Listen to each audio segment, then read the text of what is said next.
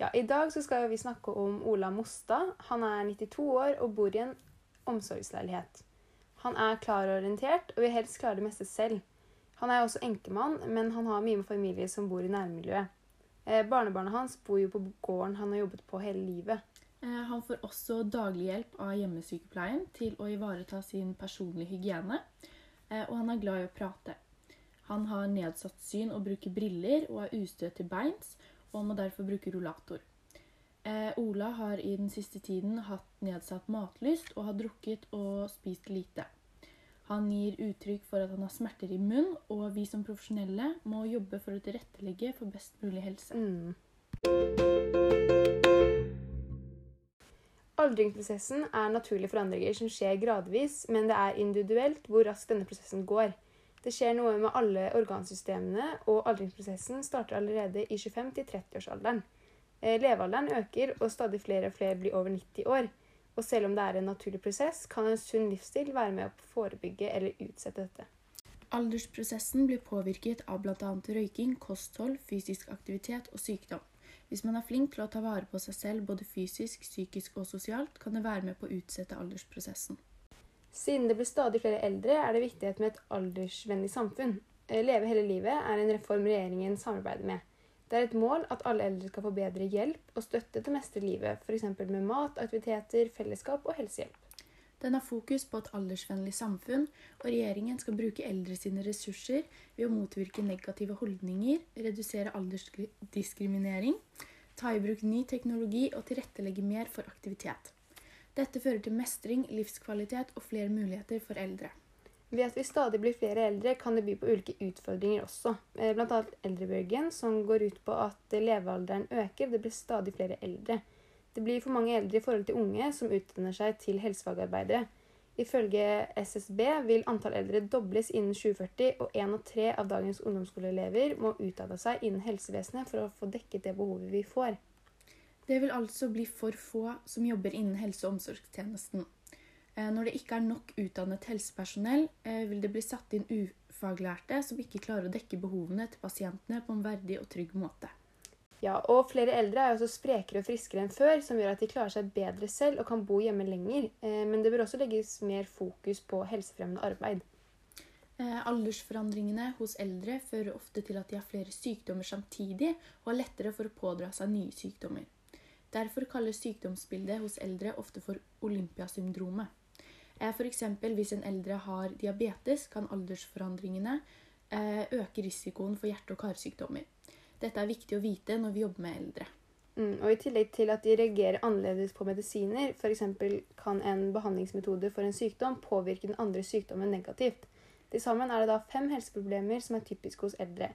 Ko- Kognitiv reduksjon og forvirring, immobilitet, bivirkninger av behandling, inkontinens og svimmelhet og falltendenser. Eh, Vi deler gjerne alderen i fire ulike typer.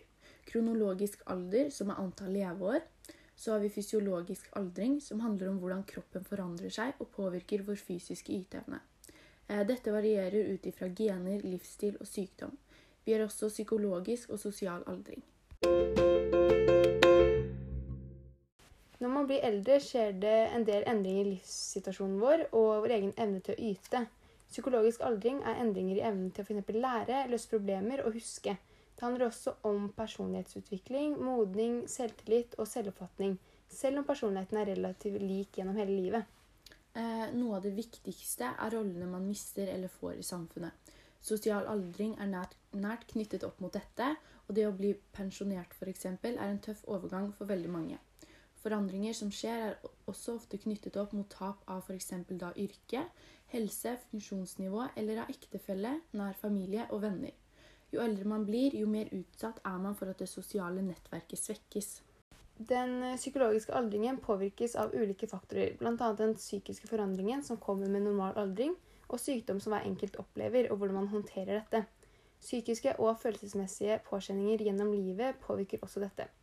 Hvis man får et positivt utfall, eh, utvikler man seg som person etter en av disse krisene. Eh, og da styrker man selvtilliten, føler mestring, trygghet og troen på seg selv fordi at man takler denne utfordringen. Sosiale forhold og livssituasjonen tidligere i livet og her og nå påvirker den psykologiske aldringen også. Når man er med venner og er sosial, føler man seg verdifull og ønsket, og dette fremmer den psykiske helsa.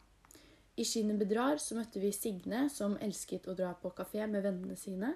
Og disse sosiale forholdene øket livskvaliteten hennes. Ja, og når man blir eldre, så mister man jo og får nye roller. Og man mister f.eks.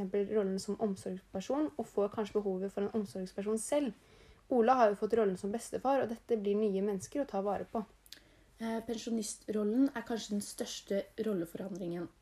Eh, mye av sin egen identitet og det sosiale livet er knyttet til arbeidsplassen sin. Og det er tøft å miste de, miste de trygge og kjente rutinene sine. Eh, nå er det lenge siden Ola gikk av med pensjon, så han kjenner ikke like godt på dette tapet. Eh, når man gjør nytte for samfunnet, får man dekket flere behov i Maslows eh, behovspyramide. F.eks. Eh, det sosiale behovet, behovet for respekt og anerkjennelse og selvrealisering. Ja, og ved å føle at man gjør noe nyttig, og at man blir anerkjent for jobben man gjør, gjør dette at man får selvtillit, og man føler seg verdsatt og akseptert. Og når disse behovene er dekket, blir det lettere å få dekket de fysiske behovene også, fordi at man har mer livsglede og føler en mer mening med det man gjør. Jo eldre man blir, jo mer mister man i livet. Man kan miste venner, foreldre og ektefelle pga. sykdom og alderdom. I tillegg til dette kan det være vanskelig å besøke familie pga. avstander og vanskeligheter med å reise pga. fysiske problemer. Ola har mista kona si, men er heldig som har familie i nærheten som han kan besøke, slik at han kan føle trygghet, trivsel og god livskvalitet. Ensomhet blant eldre er veldig vanlig, og dette påvirker flere av behovene våre. Når man føler seg ensom, sover man mindre og spiser mindre pga. dårlig matlyst. Det gjør at man blir psykisk sliten, og man orker ikke lenger å være med på kulturelle og sosiale arrangementer og får ikke dekket disse behovene. Eh, Man blir også mer tiltaksløs fordi man ikke kjenner en mening med det man gjør, og vanskeligheter for å klare seg på egen hånd. Det kan være vanskelig for eldre innvandrere å tilpasse seg samfunnet i dag pga. kulturforskjeller. De sosiale tilbudene i dag er dårlig tilpasset i forhold til andre språk, og er ofte veldig rettet mot den norske kulturen og gamle tradisjoner. Eh, andre kulturer har også andre tradisjoner og væremåte overfor de eldre som den norske kulturen ikke har. Det er vanlig at de eldre bor hjemme med familien og blir tatt vare på av dem, i stedet for å bli sendt bort på eldrehjem. Ja, og man har jo også en annen type respekt for eldre, hvor man i Norge har fått en uvane for å stakkarsliggjøre de eldre. Man har ofte fordommer mot dem og tenker ikke på at eh, de en gang har vært unge selv. Eh, uttrykket 'gammel i kropp, ung til sinns', som vi hørte i 'Skinnet bedrar', beskriver veldig godt, godt hvordan det er å bli gammel. Ja. Eh, nå skal vi over til fysiologisk aldring. Eh, for når man blir eldre, så opplever man flere fysiologiske aldersforandringer. Eh, cellene blir mindre funksjonsdyktige og påvirker organene, reservekapasiteten og den maksimale yteevnen. Det kan føre til økt risiko for sykdom og ta lengre tid å bli bra igjen etter sykdom og skader. Ja, og når man blir eldre, blir immunforsvaret dårligere og klarer ikke å bekjempe mikrober like bra. Motstandsdyktigheten i både det ytre og indre immunforsvaret svekkes og gjør at man blir mer mottakelig for sykdommer. Blant annet blir slimhinnene tørre, og det dannes mindre spytt, og evnen til å danne antistoffer svekkes. Antistoffer er da en del av det indre immunforsvaret, og de er et protein som dannes av lymfocyttene for å bekjempe fremmede antigener. Eh, I tillegg til at vaksiner virker dårlig når man blir eldre. Eh, Pga. nedsatt immunforsvar blir eldre tilbudt influensavaksine. Nedsatt immunforsvar fører til at eldre har lettere for å bli smittet av infeksjoner.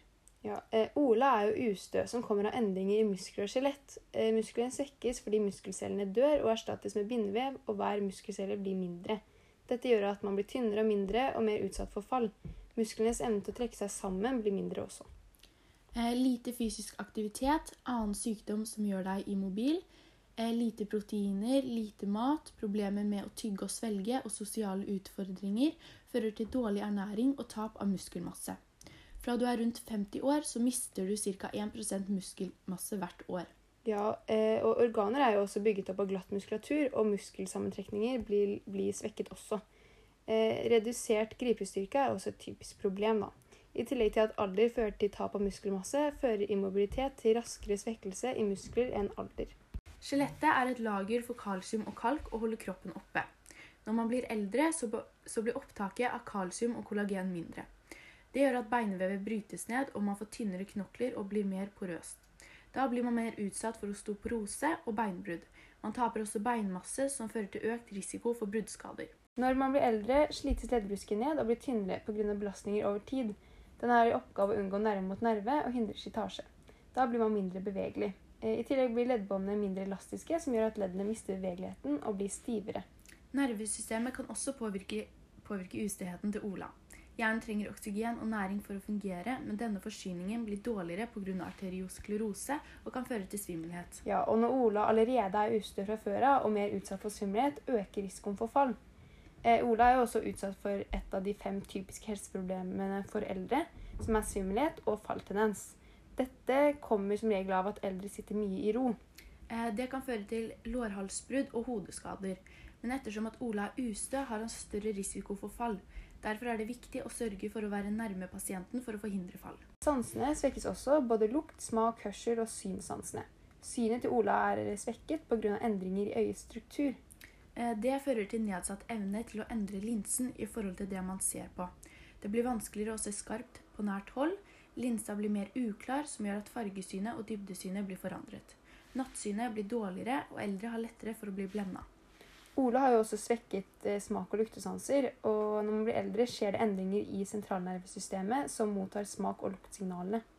I tillegg skjer det en reduksjon av smaksløker i munn, og svikt i luktesansen bidrar til smakstap. Det kan være årsaken til at Ola har nedsatt matlyst. At Ola spiser mindre, kan også komme av at han har smerter i munnen. Eh, Ola får hjelp av hjemmesykepleien til personlig hygiene. Dette innebærer også tannstell. Når man blir eldre, får man mindre spyttproduksjon, som fører til munntørrhet. Spyttet har i oppgave å bl.a. beskytte emaljen på tennene.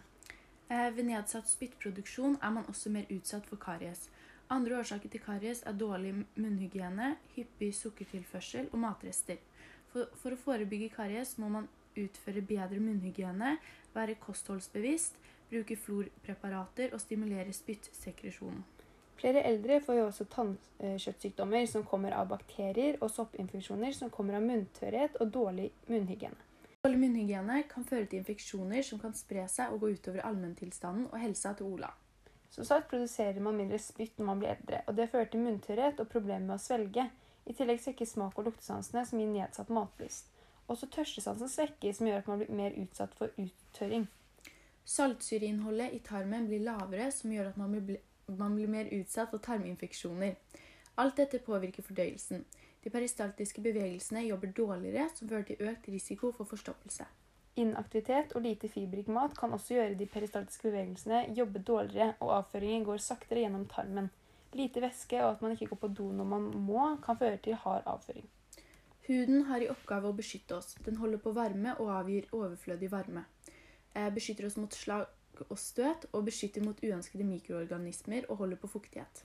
Når man blir eldre, blir huden tynnere fordi at man mister underhudsfett, og huden blir mindre elastisk fordi produksjonen av elastinfibrilene og kollagen i lærhuden minker. Det gjør at man er mer utsatt for rynker, spesielt der man får sollys. Mindre underhudsfett kan også føre til at man fryser lettere og tåler dårligere varme. Det dannes også mindre hudceller, som gjør at huden ikke holder like godt på fuktighet. Det fører til at huden blir tørr. Huden taper også pigmentceller og gjør at fargestoffet i huden blir ujevnt fordelt. Det kan ses som det vi kaller for aldersflekker i huden. Huden har jo mindre tarmproduksjon, som gjør at huden ikke er like oljete, og at huden blir tørrere og sprekker. I tillegg produserer svettekjertlene mindre svette, som gjør at man ikke får kvitte seg med varme like godt. Aldersforandringene påvirker også urinsystemet, kjønnsorganene, sirkulasjonssystemet, respirasjonssystemet og håret. Eh, Nå så skal vi ta for oss grunnleggende sykepleie og profesjonalitet. Ja, eh, og grunnleggende sykepleie er å hjelpe pasienten eller brukeren når egenomsorgen svikter. Dvs. det vil si at du lar brukeren gjøre det han mestrer selv, og kun dekker de behovene han ikke klarer å dekke. Eh, man kan utføre helt kompenserende sykepleie, hvor man hjelper pasienten med alt. Delvis kompenserende, hvor man tilrettelegger slik at pasienten kan gjøre mest mulig selv. Og støttende og undervisende sykepleie, hvor pasienten trenger veiledning og informasjon for å utføre oppgavene helt selv. Eh, Målet er å oppnå best mulig helse og forebygge sykdom og skader. Helse handler om at man får dekket behovene sine på en tilfredsstilt måte ut ifra dine utfordringer og verdier. Gjennom utøvelse av grunnleggende sykepleie må du alltid jobbe, jobbe mot å dekke behovene til pasienten på en omsorgsfull måte. For å få til dette kreves det at du er profesjonell og har de rette fagkunnskapene, holdningene, ferdighetene og personlige egenskapene. Du må ha fagkunnskaper om normal aldring, f.eks. hva som skjer med musklene. Du må ha gode holdninger til å holde deg faglig oppdatert. Ha gode ferdigheter til å kunne forebygge bl.a. karies eller forstoppelse. Og du må ha gode personlige egenskaper som empati og samarbeidsevne.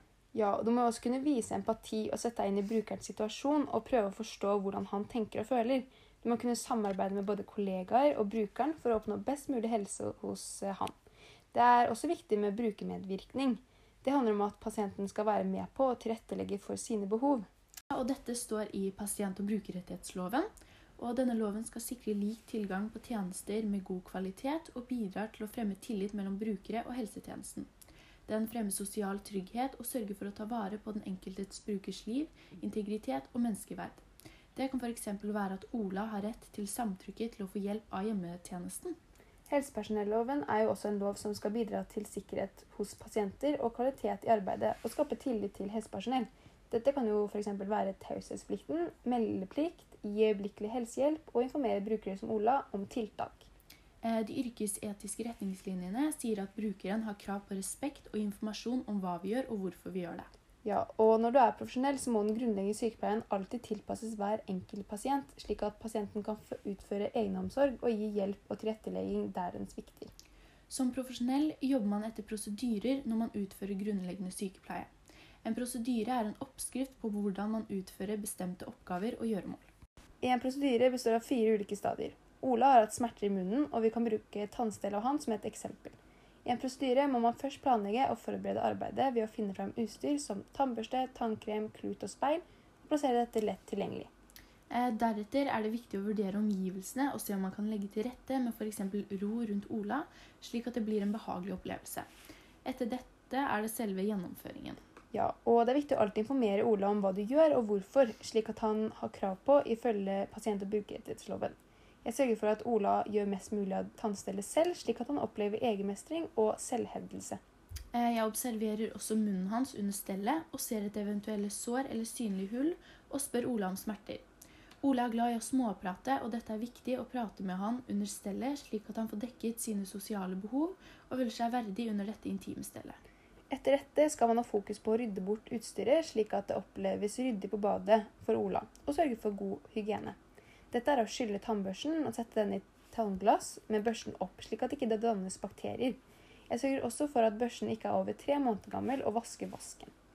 Eh, etter dette så skal man vurdere og dokumentere arbeidet man har gjort, slik at kollegaer kan se at jobben er gjort.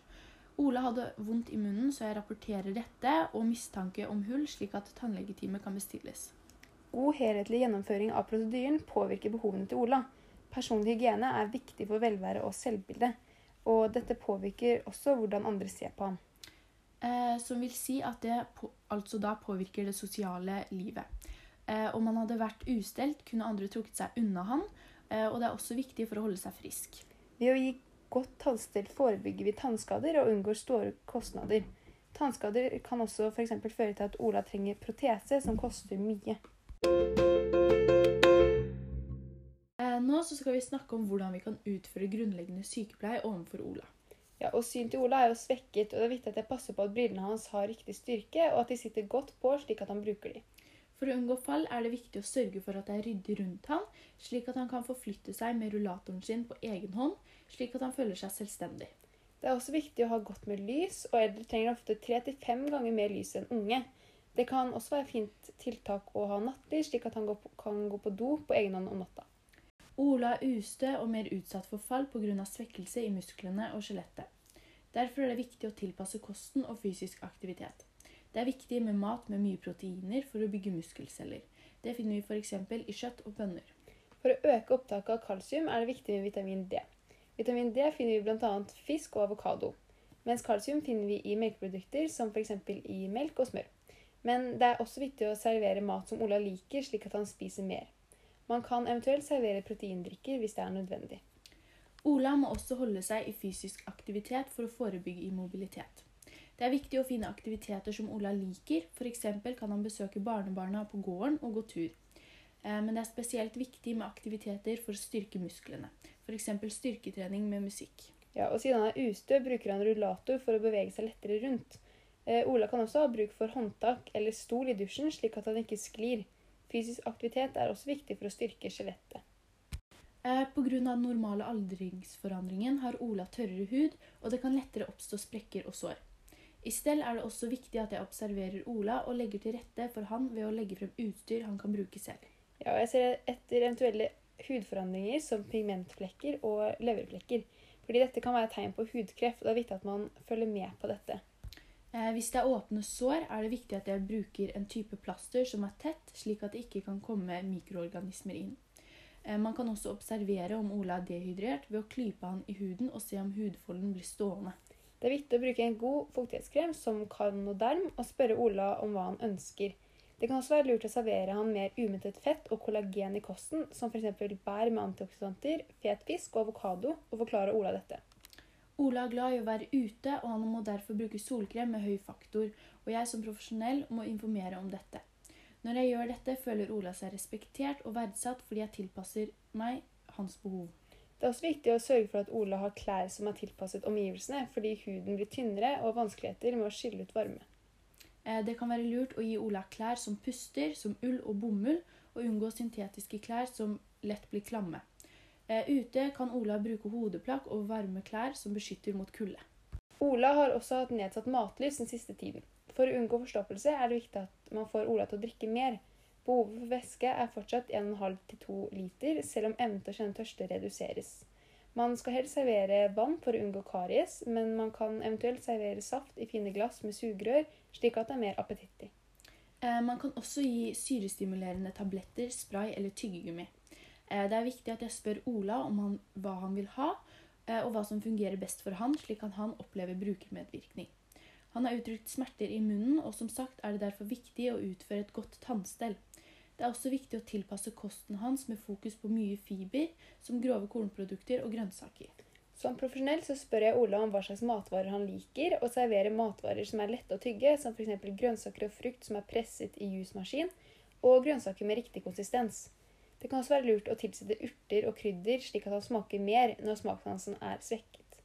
Jeg serverer Ola et delikat tilberedt måltid med mye farger, fordi dette vekker appetitten hans. Eh, når jeg gjør dette, føler han selvhevdelse, fordi hans behov blir respektert og hørt, og han føler verdighet. Ola er glad i å prate, så jeg plasserer han med noen som liker å prate, eh, eller sitter med han når han spiser for å øke matlysten hans, og de sosiale behovene hans blir dekket. For å øke matlysten til Ola er det også viktig å sørge for at han er i fysisk aktivitet. Eh, og det er viktig å sørge for at han finner en aktivitet som han liker, slik at han får økt livskvaliteten sin.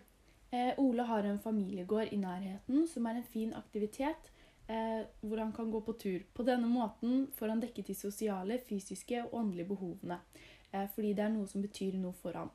En besøksvenn kan også være et fint tiltak som eh, Ja, som tar ham med på tur, da, sånn at han, Ola kan få dekket sitt sosiale behov, og at han føler seg verdifull.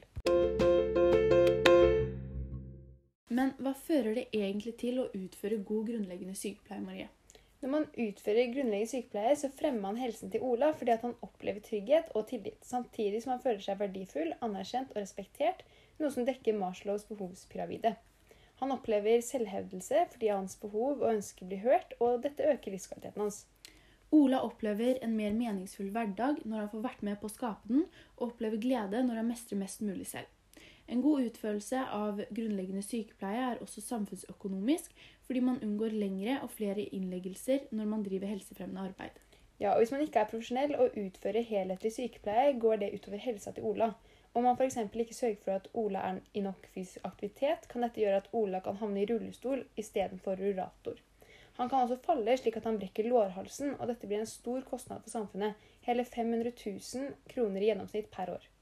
Når man utfører god grunnleggende sykepleie, får man også en mer helsefremmende arbeidsplass for deg som helsefagarbeider. Du opplever yrkesstolthet når du mestrer jobben din, og man får et bedre tverrfaglig samarbeid med kollegaene, noe som fremmer den psykiske helsa. Ja, så Det er jo veldig viktig å utføre helhetlig grunnleggende sykepleie hos brukere som Ola og Helena. Eh, ja, fordi det er jo helseforebyggende og helsefremmende. Ja, rett og slett at Ola oppnår best mulig helse.